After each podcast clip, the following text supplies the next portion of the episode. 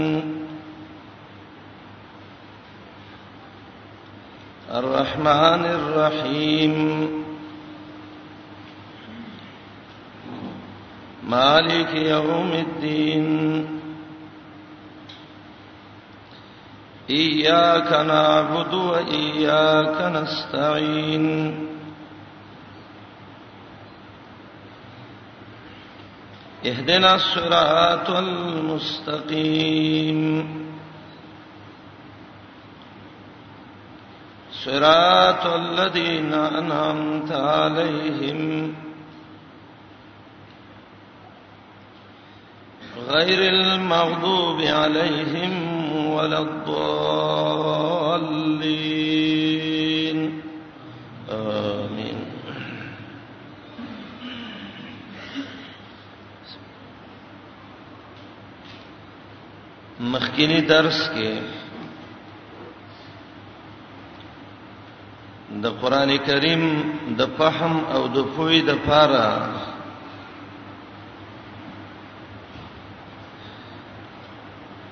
یو څو بعضی ضروری خبرې وي چې هغه موږ ذکر کولې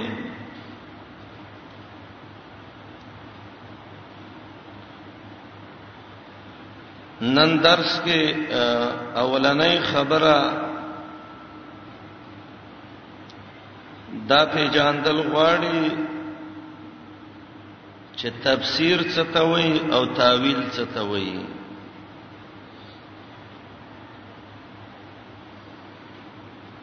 دویمه به دا مسله ذکر کو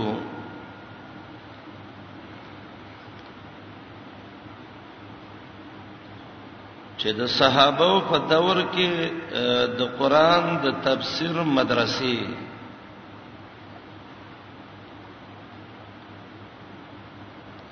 دریم مفسرین د صحابهونه څلورم بیان د تفسیرونو چې پلانې تفسیر څنګه دی پلانې څنګه دی پلانې څنګه دی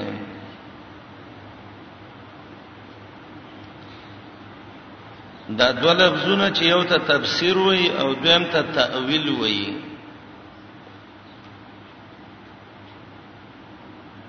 بعض علما خو د دې فرق نه کوي وای دا یو شی دی لیکن خه خبره دا ده چې تفسیر د فسر نه ده او فسر په لغت کې کشف او ظهور ښکاروالی ته وایي قران کې راځي واحسن تفسیرا یعنی ډیر خو واضحه او اصطلاح کې تفسیر څه ته وایي ما کان علی طریق النقل هغه چې په طریقې د نقل باندې د نبی علی السلام صحابهونو را نقل شوی او تأویل ما کان عن اجتهادنا چې هغه د اجتهاد په بنیاد باندې تفسیر کې نقل ته ضرورت ده تاویل کې اجتهاد ته ضرورت ده چې په طریقې د نقلی نو د ته تفسیر وایي او چې په طریقې د اجتهاد سي نو دې ته تاویل وایي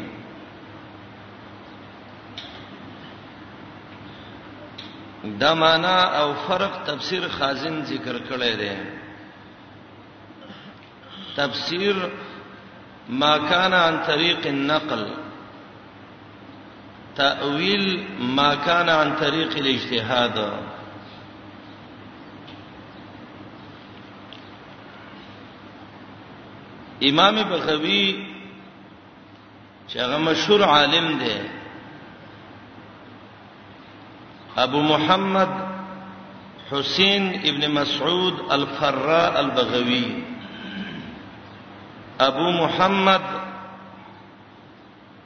حسين ابن مسعود الفراء البغوي شافعي مسلک کې سړی دی المتوفى 516 1514 کې د وفات ده د د تفسیر ده تفسیر بغوی باندې مشهور ده او هغه معالم التنزيل چې دا هغه نوم ده پاغي کې وای تفسیر څه ته وای وای هو العلم الذي يعرف به فهم القرآن الكريم دا علم دی چې د قران کریم فهم په انسان ته معلومیږي هو العلم الذي يعرف به فهم القرآن الكريم وإدراك معانيه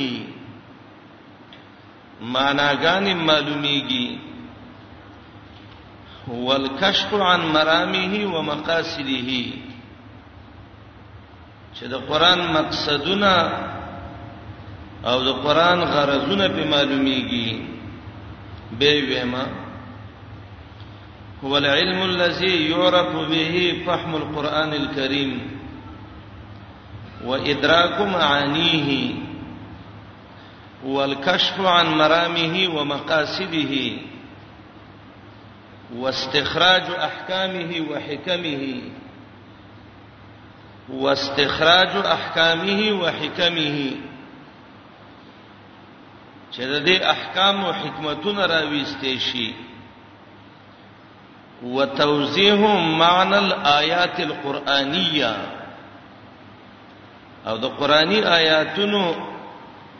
وضاحت وشي دته تفسیر ویل کیږي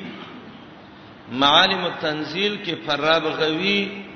اولنی جز کې مقدمه کې د تفسیر د معنی کړی دا چې تفسیر هغه علم دی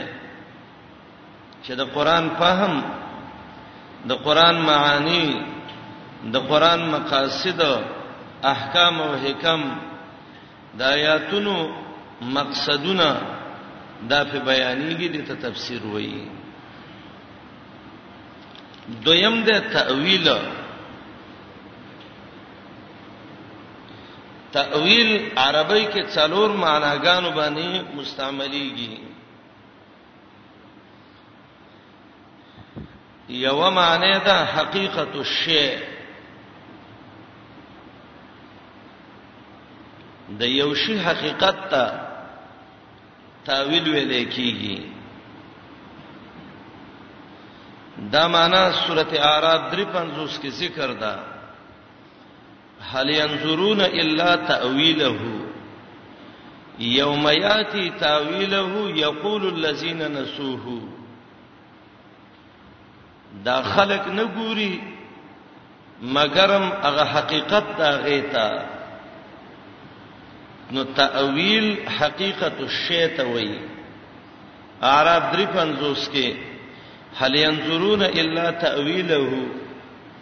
یوم یاتی تاویله یقول الذین نسوه امام بخاری حدیث عائشہ رضی الله عنها راوړی دی چې کله دا آیات نازل شو سبح اسم ربک الاعلى رسول الله صلی الله علیه وسلم ویل دا په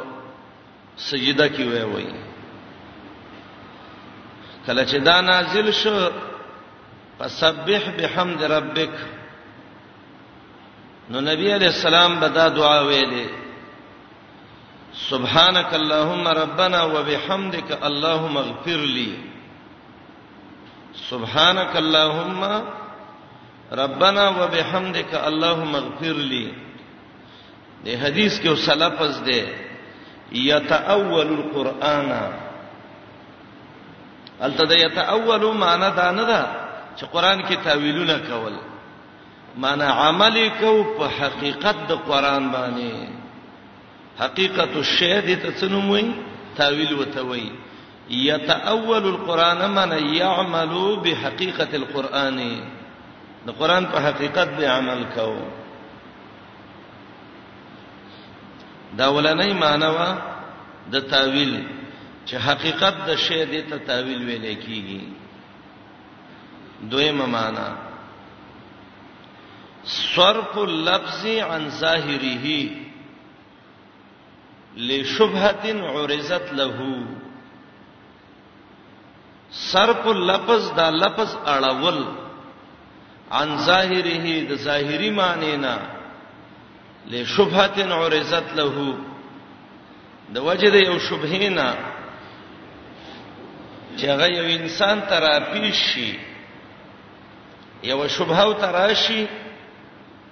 خبزاغي شبهه د وجنا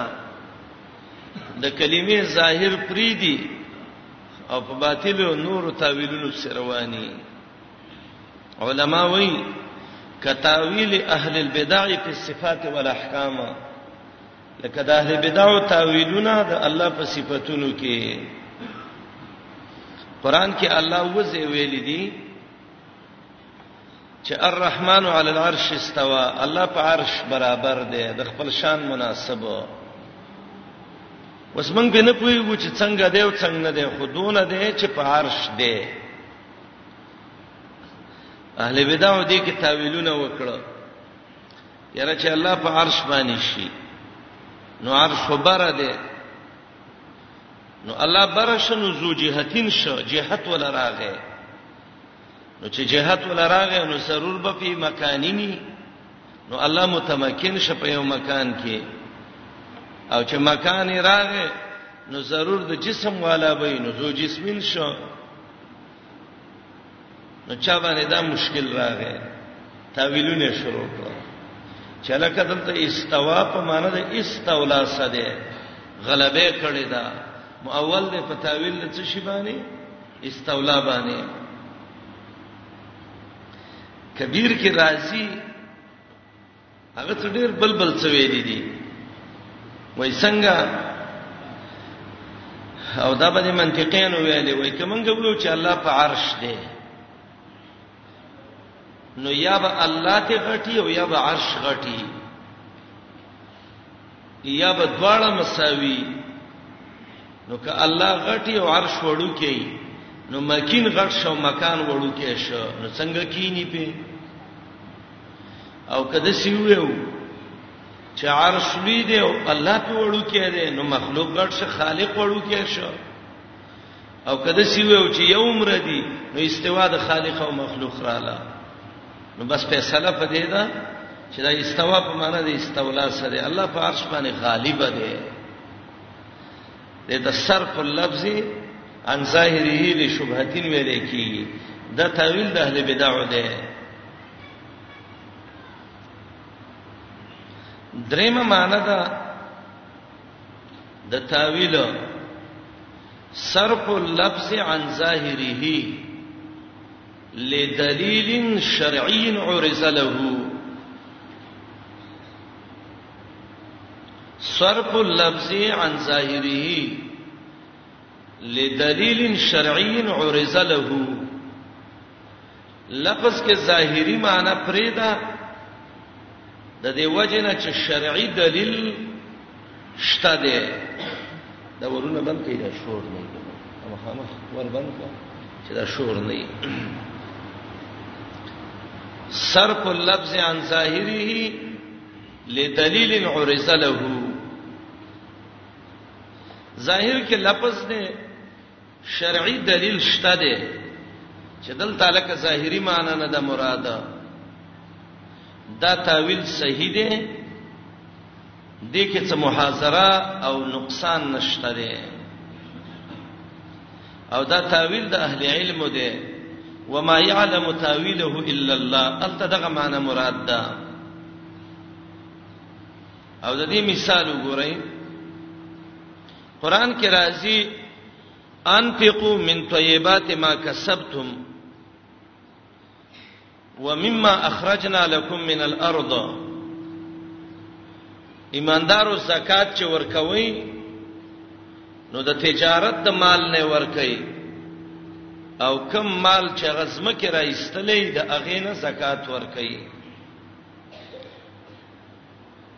ګوره دې حدیث کې دا آیات کې دا لفظ دی چې د زمکه نه څه شی راوته نو هغه کې زکات دی لکه دا مذهب د احناف هم دی چې کل ما اخرجته الارض ففيه الزکات لیکن بل طرف ته و حدیثونه دي چې هغه بالکل صحیح دي دا ملګاو او په هغه وو حدیثونو کې دا دي چې ما اخرجت الارض چې څه شه ده غنم دي وربشي دي کجوري دي انګور دي د دې زکات به ورکه نو قران کې راځي مما اخرجنا لكم خود شرعي دلیل د وجنا د دې رجع وشو څلورو چیزونو ته چې هغه هنتا او شاعر او تمر دي خو له دلیل شرعي ځکه و صحیح حدیث لري کې راغلي دي نو دې تم تعویل ویلې کیږي سلورمه معنی د تعویل د تفسیر ته وایي التاویل والتفسیر هما الفاظ مترادفان لفظان مترادفان بعض علما وی هما اخوان دواړه د سیدی لکه یعنی ورونه ذکر د تاویل مراد ته تفسیر او ذکر د تفسیر مراد ته تاویل لکه دا اصطلاح ده د محمد ابن جرير تبري او دا اصطلاح ده د قاسمی او د نورو مفسرینو چې هغه یو آیات ذکر کینو وایي تأویل قول الله تعالی یعنی تفسیر قول الله تعالی د رب العالمین اند قول تفسیر کوله نو د تفسیر د څلور د تاویل څلور معنی شوي حقیقت الشی یو صرف اللفظ عن ظاهره لشبهه عرضت له دوا او صرف اللفظ عن ظاهره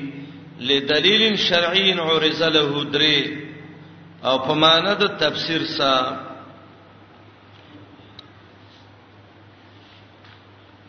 دا تفسیر چې ده د دې خپل اصول او قواعد دي کله چې یو مفسر د هغه خیال وساتي نو داغه تفسیر ډیر کامیاب راځي دا اصول امام شمس الدین محمد ابن علی ابن احمد الداودی داغه کتاب دی طبقات المفسرین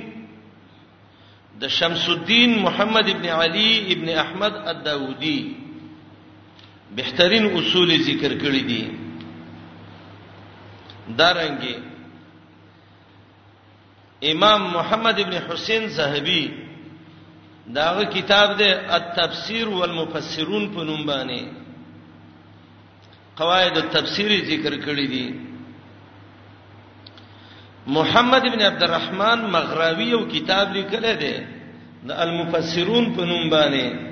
المفسرون د محمد ابن عبد الرحمن المغراوی امام بدر الدین محمد ابن عبد الله الزرکشی د هغه کتاب دی البرهان فی علوم القرآن درې جزء کې دی دې کتابونو ته رجوع وکړئ د تفسیر په اصول باندې به پوه شئ د تفسیر په قواعد باندې به پوه شئ او ضروری و خبره ده چې څوک یو فن کې ځان مشغولې نو دا غپند پوی خلکو سبکینی نو به بدته ډیره پیدا حاصلېږي مدارس التفسیر زمن الصحابه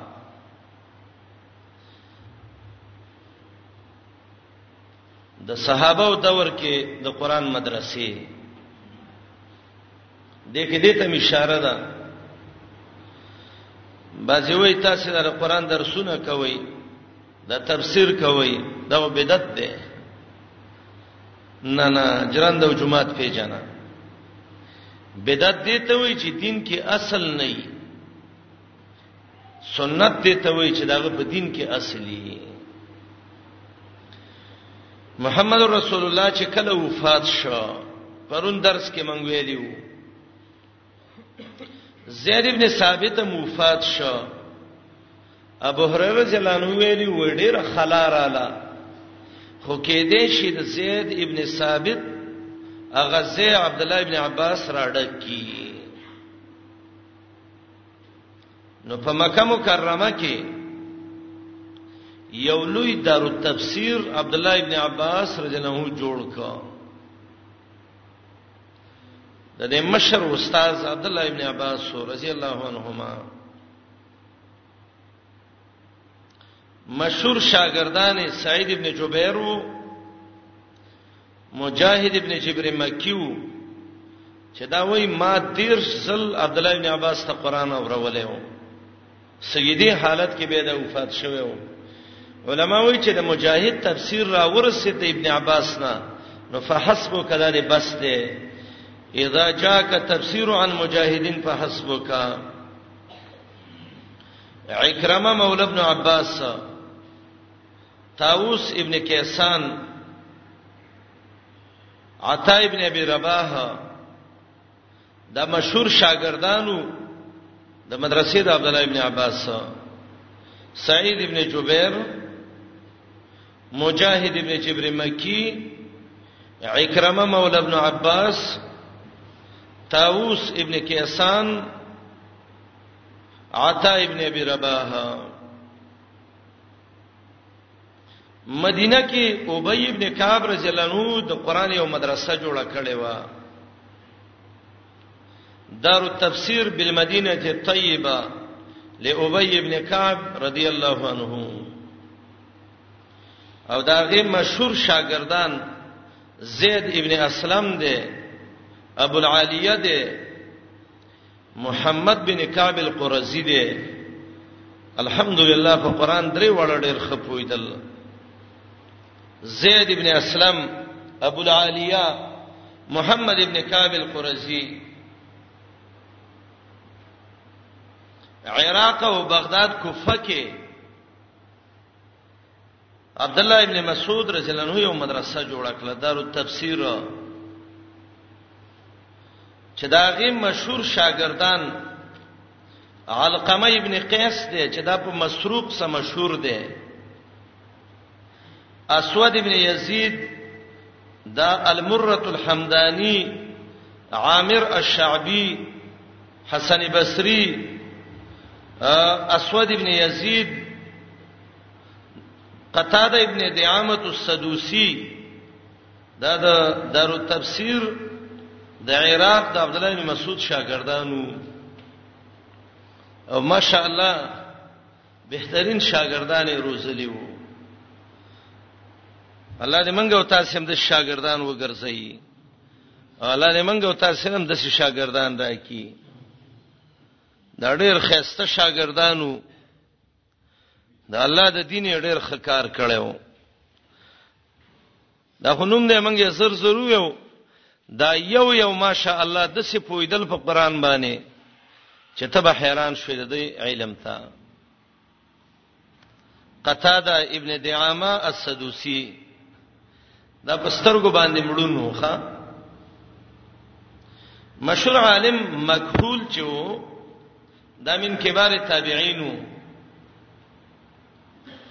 دا قتاده ول راغله وایز سبق وېما زبر شاګرد ما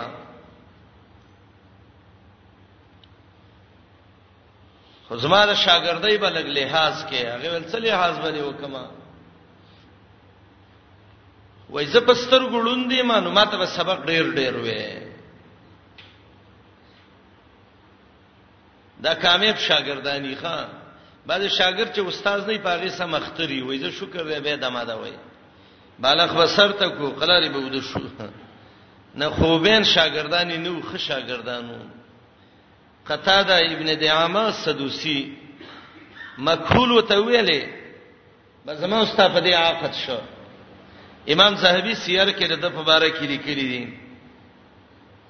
چې تا زوړ سبق یادوونو زما نوې سبق د توې ما غویل سید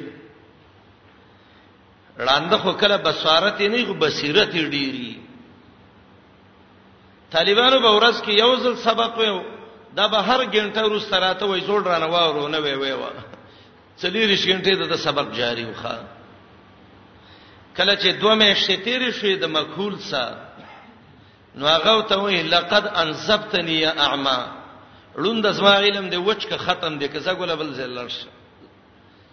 تا خو مانه دوه میاشتو کې ټول علم یاد کړه قتاده ابن دعامه السدوسی د عراق کې د عبد الله بن مسعود رضی الله عنه شاګردو عبد الله بن مسعود د ونه نه لړنو صحابه وي موږ به ویل چې زمنګ داوود علی السلام دی کنا نشبهه به داوود خو کونه قن مول علم د ونه نه لړنو خو سم د علم کوټه و ماشاء الله بعضې د ونه نه لړندي خو سم د جنگونو ټیکداري عبد الله بن مسعود د ونه نه لړن و خو کونه پون مولې علم د علم سم وړه کوټه و ماشاء الله او د دې قتاده باره کې راځي چې دا مشهور زکی سړی و یو ځل سوالګیر راغې وی ویلې زه مسکینې ما مال له ګوړه راکې نو د کور کې بچیلا یو جام کټوري کې وړ ورکړ چې دا بار ور کدلا هغه سائل نو سم شی و ایستغه سره د غلوخي نه وتختو اتلس کال بعد قتاده ناس د کور کې بار आवाज وشو وای انل مسکین انا اتنی المقتربه غریب ما او د خاور لري کړې ما سره لراکې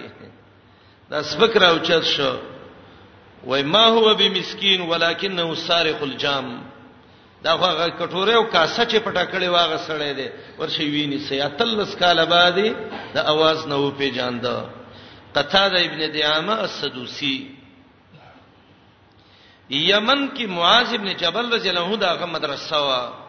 معاذ ابن جبل داغه مدرسه وا یمن کې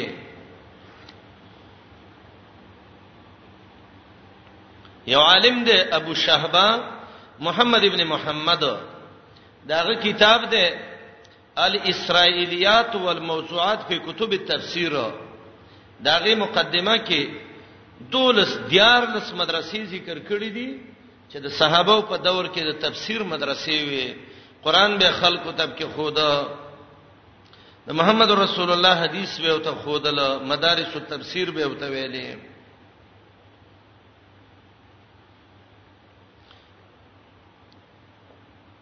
په صحابو کې مفسرین په صحابو کې امام سیوطی او امام زاهبی په خپل کتاب التفسیر والمفسرون کې ذکر کړی دی چې مشهور مفسرین صحابو کې خلفای اربعو ابو بکر رضی الله عنه عمر ابن الخطاب رضی الله عنه عثمان ابن عفان رضی الله عنه علی ابن ابي طالب رضی الله عنهم عبد الله ابن مسعود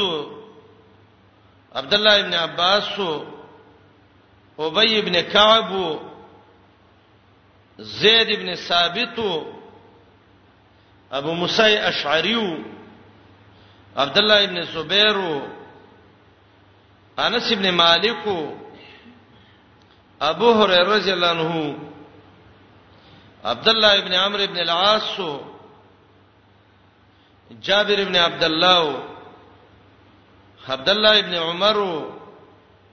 او عائشه رضی الله عنها وا عائشه هغه د قران مفسره وا عروه رضی الله عنه د دې خورایې ده الی سابق ابن حجر ته نقل کړي هغه وای قسم په الله عائشه په قران د څه پویدله لقد رأيتو مشيختا کبار اصحاب رسول الله حول بیت عائشه کله چې د الله نبی وفات شو نو د هغه د مرګ نه روستا وای ما مشران صحابه لیدلی و چې د عائشه د کور نه بسار کې ناسو چا پیرا یسالون عن الحلال والحرام چا به د حلال او حرام مبارکه ته پوس کو چا به د میراث مبارکه کو چا به د تفسیر مبارکه کو چا به د حدیث مبارکه کو ناشنا پویا خزه په حدیث باندې عائشه صدیقه رضی الله عنها عبد الله ابن عباس چې وو دا مشهور مفسر دی په مفسرینو د قران کې دا د الله د نبی د ترزوی دی ابن عم رسول الله دی د دې د مور نوم دی لبابه الکبرى د حارث لور ده الهلالیه د هلال قبیله نه ده پلار عباس ته او د مور نومه لبابه الکبرى ده مکه کې شعب ابي طالب کې دا پیدا شوه کله چې پیدا شو مور محمد رسول الله لرا وستا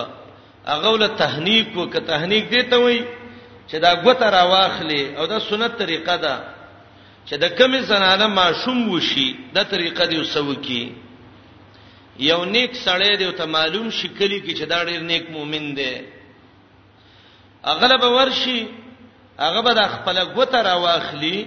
یو خوک شي کې به وای دسه یا به کجور را واخلي په خلی کې به وجوي او به به د ماشوم تعالو پوری وصولې د ته تحنیک وای د سنت عمل دی نن خلکو پرې خې دی نن کو چې ماشوم شو وړه سي وکي اسمان ولې بیرته چې الله ولې دا بچی را کراله او چې ماشوم وشي نو په کورونو کې چمبه او غربا شروع شي او ځوانان لا څه کې چې بډاګان او بډایګان ته غړيږي یاره د سین وسې مې شوه وسې مې شوه دن ته غړيږي نه نه د الله د نبی علی السلام چې بنوسی وشو بچی به وشو د الله بندګۍ طرف ته به مخکیواله کو غړا ته به مخکیواله نه کو ولکه یو صحابینه دا ثابتي چې د پلاني زوی وشو هغه ګډ شو د خلکو نه حیا تللی دا الله دې منګه تاسو په حیا کې وساتي حیا شعبه من الايمان ده خسته غړ سړې به یو خسته الګ به او لګې به استبه د خزو د وړو د دې مخ کې غړیږي دا د بخوند خلکو کار دی صحیح خلک دا شې نه کوي رسول الله علیه السلام چې وفات کېده د عبد الله ابن عباس دیار لس یا پنځل لس کال عمر وو اتش په ته هجری کې وفات شوه او ټوله اویا کال عمر وو طائف کې دا وفات دی عبد الله ابن عباس طائف کې خخم دی او صحابهو کې دی ته به حبر الامه ویلې د امت لوی عالم عبد الله ابن عباس ته عمر جلنه وړو کې مو خو مشوره کې به کینه وو وی ولی وی عبد الله ابن عباس په قران خپويږي څوک چې قران باندې پويږي هغه به مشوره کې کینه کور کې دی زوی دی خو په قران خپويږي لور دی د خو په قران خپويږي خیر مشوره ته وغواړه د اسلامي مسله ده رسول الله ول دعام کړي وا اللهم علمه الكتاب والحکمه الله په قران او حکمت پوهه کې اللهم فقهه فی الدین وعلمه التاویل الله دین کې پوهه کې تفسیر باندې پوهه کې ربا او عبد الله ابن عباس چې وو لغت کې مخپوي د ماشاءالله مجتهد مو او ډیر زیات قران باندې خپوي دا عبد الله ابن عمر رضی الله عنه یو ځل ناس دی یو سړی ولراغه وای د دې آیات څه مقصد دی چې الله وای چې ان السماوات والارض كانتا رتقا ففتقناهما اسمانونه او زمکه رتق یو زیوی ما جدا کړه عبد الله ابن عمر وته وی سل ابن عباس عبد الله ابن عباس شته غنه تپوس وکا او دا د سړی کمال دی یو څوک ته تپوس وکي او مرګرو کې ته خپو یا معلومي وته وی ورور ورشه غنه تپوس وکمانه مکه وزدون نه پويګم نو عبد الله ابن عباس وته ویلې د اسمانونو بنواله داو چې باران ته نه کېده او د زمکه بنواله داو چې شینکې نه کو کانت السماوات لا تمطر وکانت الارض لا تنبت الله کلاو کده اسمان نه بارانو کو د زمکه نه شینکې را زرغون کو عبد الله ابن عمر رضی الله عنه چې دا خبره واوریده وای الان قد علمت انه اوتی فهم کتاب الله والله چې ماته وسې پته ولګیدا چې عبد الله ابن عباس په قران ډیر خپويږي ماشاءالله قران باندې صحابه کې عبد الله ابن عباس ډیر خپويدا دا ضروری خبره ده چې یو سړی د سي چې هغه په ډیر خپ قران کویږي چې داغه سره ډیر ملازمت وکي دا ضروری نه ده چې هر مولا ته هر شی یادي دا د ناپوهو خلکو خبره ده مولا دې څه کدو پانی خو نه دی ویل هر څه ته یاد دي بلا شعر چې څه ته پوسټه وکي کتاب کې نه نشته سم دستي جوابي سم دستي جوابي نه نه کله پوی خلکی استتی و خبره یې رشي ابو عبیده ابن الجراح مشهور یو صحابي دی ابو عبیده ابن الجراح یو دی ابو عبیده معمر ابن مسنا کتاب التفسیر کې امام بخاری ته ډیر نقل کړي داغه کتاب دی فضائل القرآن د ابو عبیده هغه کې وایي د انس رضی الله عنه قول دی و یوزل عمر رضی الله عنه د مدینه په منبر باندې خطبه ویلي دې آیات تر ورسېد وفاکهتن وابا پاکهی الله پیدا کړی دی او اب الله پیدا کړی دا عمر ابن الخطاب وی هذه الفاکهه فاکهه خو پیجنم چې میوه ته وي فمل ابدا ابس شي ته وي پلار به پیدا کړی دا معنی وینو ور عبد الله ابن عباس دی و ما عمر ابن الخطاب دی لیکن خبره تی رشوا صحابي ورپات سي د وای اب علفت وای غیا ته ویلې کیږي بوسو ته ویلې کیږي نو عمر رضی الله عنه ویل الله دې اجر درکې یو عمر دې لیکن بند شو دارنګي عمر رضی الله عنه یو ځل منبر باندې دا آیات ویو او یاخذهم علی تخوفنا دلته چانه صحابه ته ویل علی تخوفن څه معنی معنی خو یې را ما ته نه ده یاده د حوزیل قبلی یو سړی پاتې ده وای التخوف التنقص فی الاموال مالونو بچی چې کم شي د تخوف ویل کیږي عبد الله ابن عمر رضی الله عنه وای جزاک الله خیرا الله دې الله خیر درکې عبد الله ابن عباس ته دونه پوهه سره دی یو سل وای وای زه قران کې د دې آیات په معنی نه پویدم چې فاطر السماوات الله فاطر د اسمانونو دی په دې نه پویدم چې دا فاطر څه ته وای ډیر سوچ کیوم چې دا به څنګه شي را و یو دو باندې چین رال د یو کوی په باره کې جګړه و یو ول داسما دی او بل ول زما دی باځه کار کې الله خیر وګرځي جنگي الله دې سړي خیر سبب وګرځي وای ماته دی یو ویلې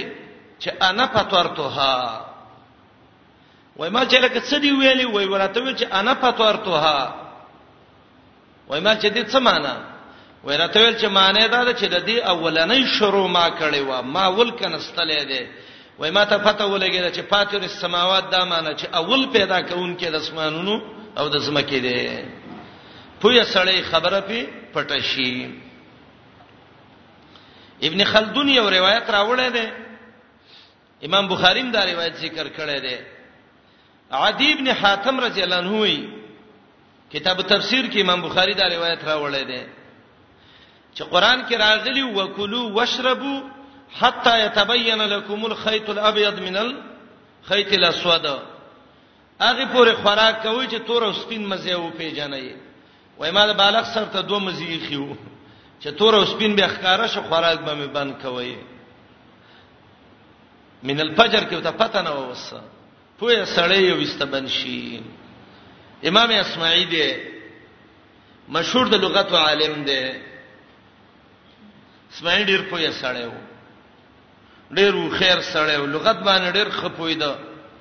هغه وایي زبر درې ټکو باندې نه پوي دما یو د قران کې راځي دا رقیم ام حسبت ان اصحاب الكهف والرقیم دویم د قران کې راځي متاع متاع الحیات الدنیا دریم د قران کې دي تبارک الذی نو زه د رقیم او د متاع او د تبارک د برکت په معنی نه پویدم پنځه کاله وګرځیدم خو صحیح استاد مې پیدا نه کړ چې ماته د درې واړو معنی وکي و چاره ته ویلې چې ان جبلا من وراء هذا الجبل مخامخ یو غر و چې د دې غر نه واوړي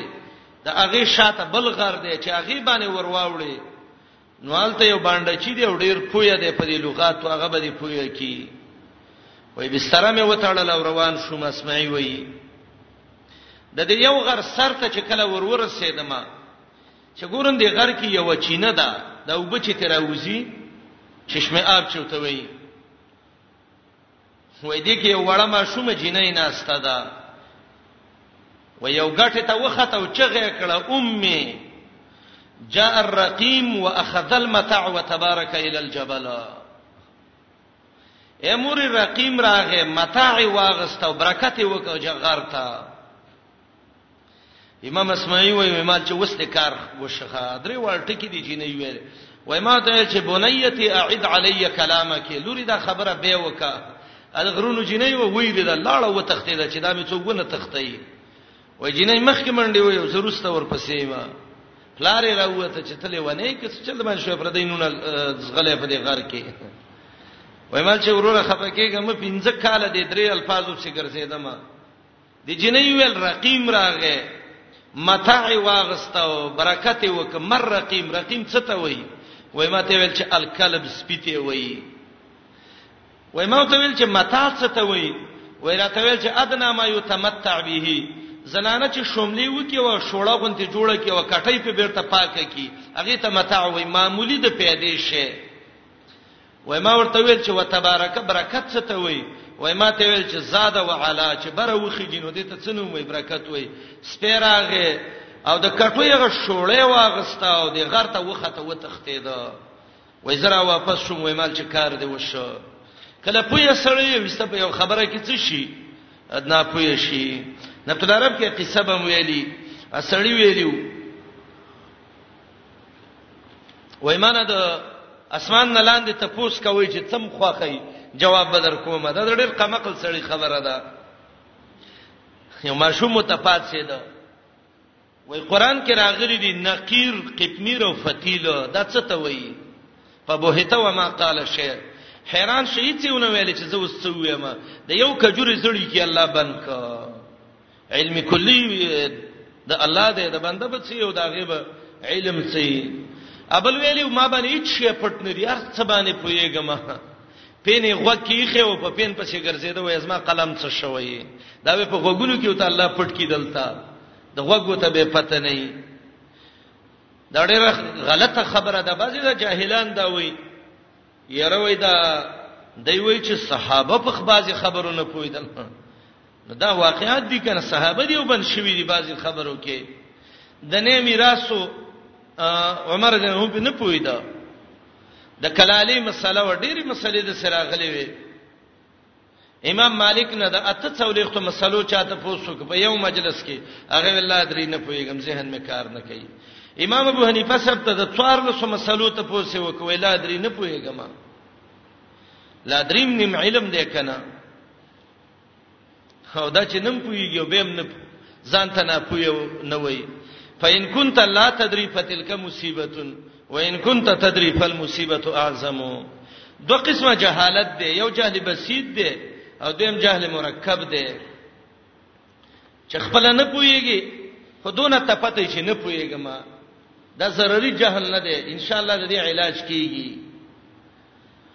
چې بیمار مې او ډاکټر ته وې چې زه بیمار نه یم ته لیونی دماغ دی خراب دی روغېږي نه او چې نن پويږي او ځان ته پویم وي دته جهلي مرکب وي ان کس کې نه داند و بدانت کې نه داند شاهد کې خره خوښ به منزل برسانه ده نه پويږي خو په دې پويږي چې نه پويګما ان شاء الله د خرب وي بار زه ته ورسي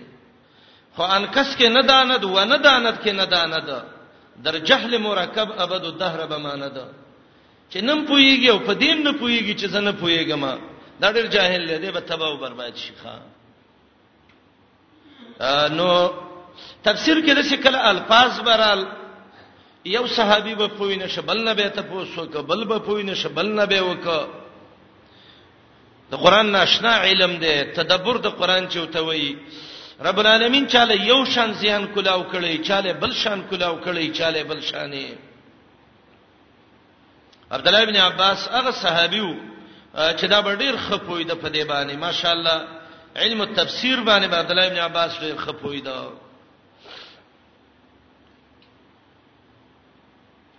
یو مفسر چې تفسیر لیکي علما وایي کم څه کم چې د پنځل سو علمونو باندې څه معمولی معمولی عبوري پنځل سو علوم دي خلک خو څوار له سوې وي څوار له علم دي نه پنځل لس دي چې باید چې د دې کې مفسر ته لګ لګ څه یادي کدا ته نه یاد نو تفسیر نشي لیکلای من خبره بدله کړه من یو چې دا څوار لس علم نه کړی نو قران باندې وایي الکه وای کافر شو ولی وای څوار لس علم نه کړی او بس قران را واغسته دا ډیره ناپوهه خلکو خبره ده ابو بکر د کومې مدرسې نه فارغ و چې څوار لس علم یې کړی و رضی الله عنه عمر د کومې مدرسې نه فارغ و چې څوار لس علم یې کړی و صحابه کومو مدرسو کې دا څوار لس علم کړی و عائشه رضی الله عنها بارکه چې راځي چې په قران په یو نو د کوم ځای کې دا څوار لس علم کړی و دا علوم مفسر لا پکار دي قران لستون کې لاندې څو قران وای نو به څوار لس علم به کړي امام سیوطی یو کتاب لیکل دی الاتقان فی علوم القرآن د سیوطی دارنګي عام مفسرینو دا علوم ذکر کړی دي چې دا مفسر د قران له داغي ضرورتي یو پاغي کې علم اللغت ده علم اللغه که په لغت نه پويږي د قال معنی باندې نه پويږي نو دا بر قران څه تفسیر وکي دویم پاره کې علم النحو ده اعراب به صحیح وي سینه چې فاعل معنی په مفعول وکي او د مفعول معنی په فاعل باندې وکي بل پاره کې علم الصرف ده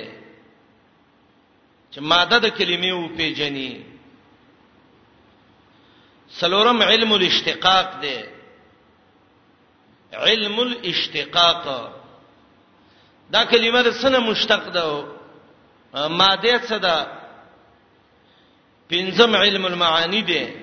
شپږم علم البیان دی وم علم البدیع دی اتم علم القراءت دی قران چې وینو قرات به دی یادی کنه نهم علم الاسماء والصفات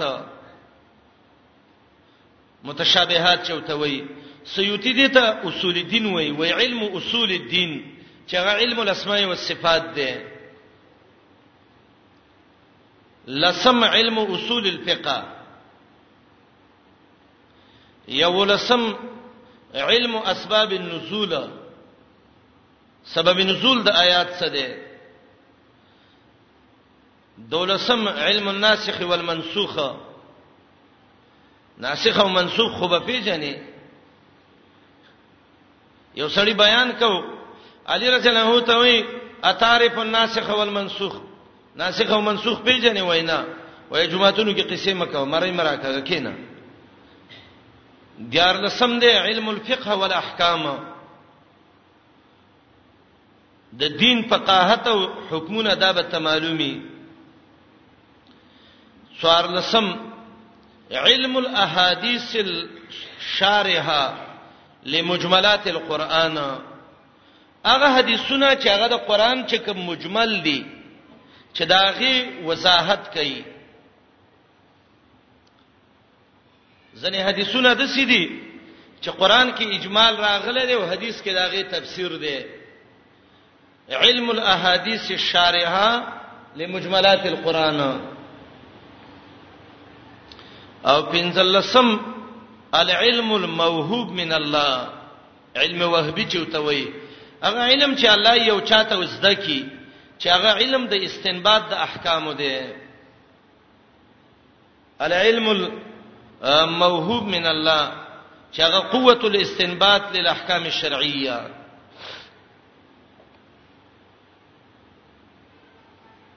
دا پنځلس علم مفسر لا پکار دي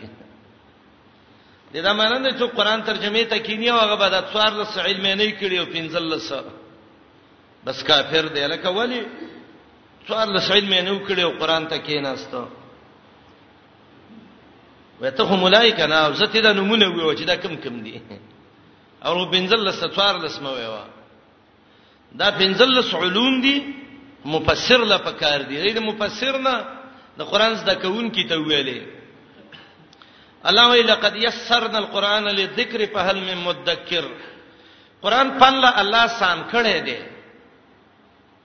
ا دې وینه دا بکه رسول الله چې الله را لېګل او باسفل امیین رسولا امیغه چاته وی چې دا علمونه نه دی کړی امید کنه ام ته منسوب دی چې د مور نه څنګه پیدا دی نو قصې نه پوهه پاتې دی دا مین بټول مولانو یې حکومت رسو کې ازرېنی کړی وي خو غیر ازرېنی ته وشو استدغه صفات شو وای مفسر لا دغه لوي ترجمه د قران لوي دا دون علمونه پکار دي نه لا مفسر لا پکار دي دا یو ضروری مسله ده ورسره دلته یو خبره ډیره ضروری چې هغه ډیره مهمه ده هغه دا ده معرفت اصح طرق التفسیر تفسیر د قران دا په څه طریقه باندې کې د قران تفسیر چې ده دا په څه طریقه باندې کې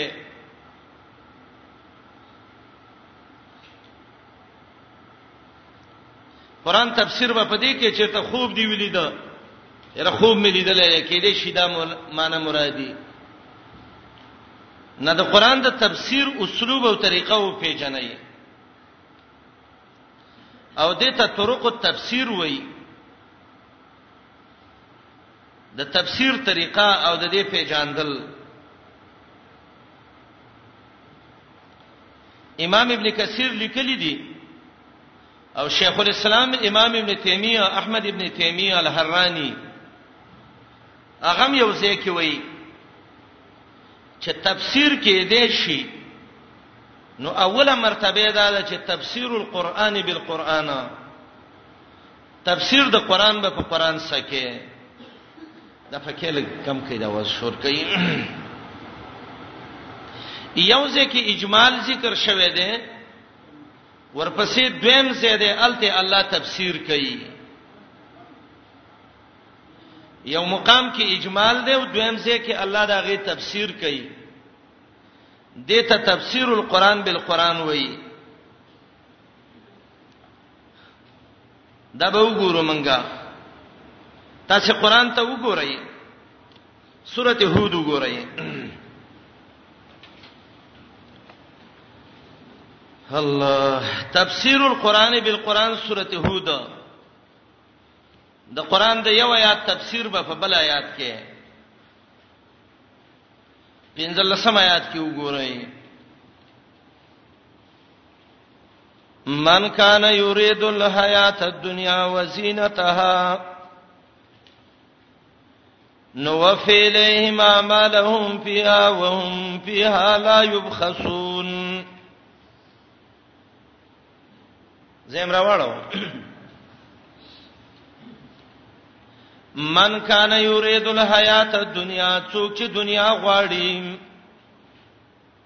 دا نږدې ژوند دنیوي چې څوک غواړي دا معنی باندې کوي دا غلطه ده ښا اکثر خلک معنی کوي څوک چې ژوند د دنیا غواړي دا معنی غلطه ده ولی دا ترکیب اضافي خونه ده او ترکیب توصیفي ده الحیات موصوف ده او دنیا صفت ده موصوف صفت کې د نه راځي دا مضاف مضاف الیه کې راځي غلام زیدین غلام د زید عبد الله بنده د الله دا موصوف صفات ده مضاف مضاف الیه نه ده معنی وکي څوک چې غواړي الحیات دنیا دا جون حس جون چې نږدې جون ده یا جون دنیوي وزینتها غواړي د دنیا د خایسه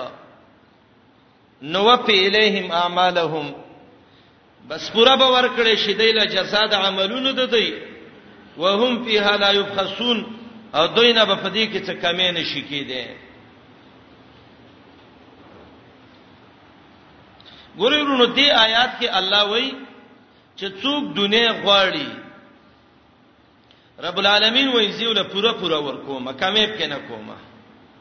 صحیح ده کنه ډیر خلک مونږ ولیدل سوالونه کوي الله دنیا راکې کافر می او غریبانان می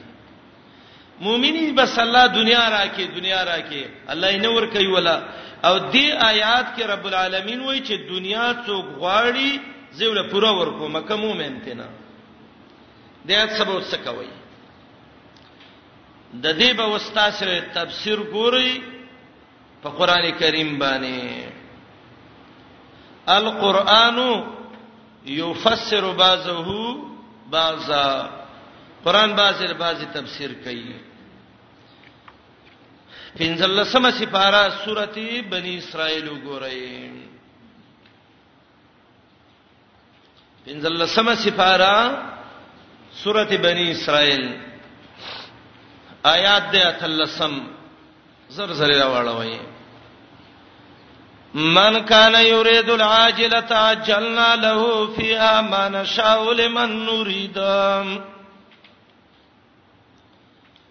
څوک چې دا تلوارګری دنیا غواړي الله وایي سبه په تلوار سول ورکما خو دوه شرط دی یو چې چاله زمنګ مشیت وشي او دویم چې چاله زمنګ اراده وشي نو دا یا توغایات وسوله غوي رب العالمین وای پورا به ول ورکما ولې نشي ورکېده خدای الله مشیت او اراده به نشي وکنه الله یې ورکې په کوم شرط باندې رب شرط ذکر کړي عجلنا له فیها ما نشاء لمن نريد دیتا تفسیر القرآن بالقرآن ویل کیږي د قرآن تفسیر په قرآن کریم سره د ډیر صحیح نه دی د وخت د کمی د وجه نه اجمالاً دا یو موږ خو دا دویم دا دویمه طریقه ده تفسیر القرآن بالحدیث د قران تفسیر بکې په احادیثو د محمد رسول الله باندې قران متن دی حدیث شرح ده د متن او د شرح مینس کی منافات ناراضي د معتزله او دا قول غلط دی چې قران یقیني دی او حدیث ځنی دی قران یقیني دی او حدیث ځنی دی شرقاید مولا غلط شوی دی او نسفی دی نسیفه عربی کې غلبیل ته وای و منه ما ينسب بعد خبرې به چان کې التوی پوش دا قول د الله چې لو کان فیهما الہه الا الله لفسدتا وای دا ځنی اقناعی غونته دلیل دی یقیني نه دی وای ښا قران یې د یقین نه ویسته لیکن فرق د قران او حدیث کې دا دی چې قران معجز دی په کمال اعجاز باندې او احادیثو د کې کمال شته خو اعجازي کمال پکې نشته السلام علیکم خیال کولو پخپلو دعا غانا کې حتا ته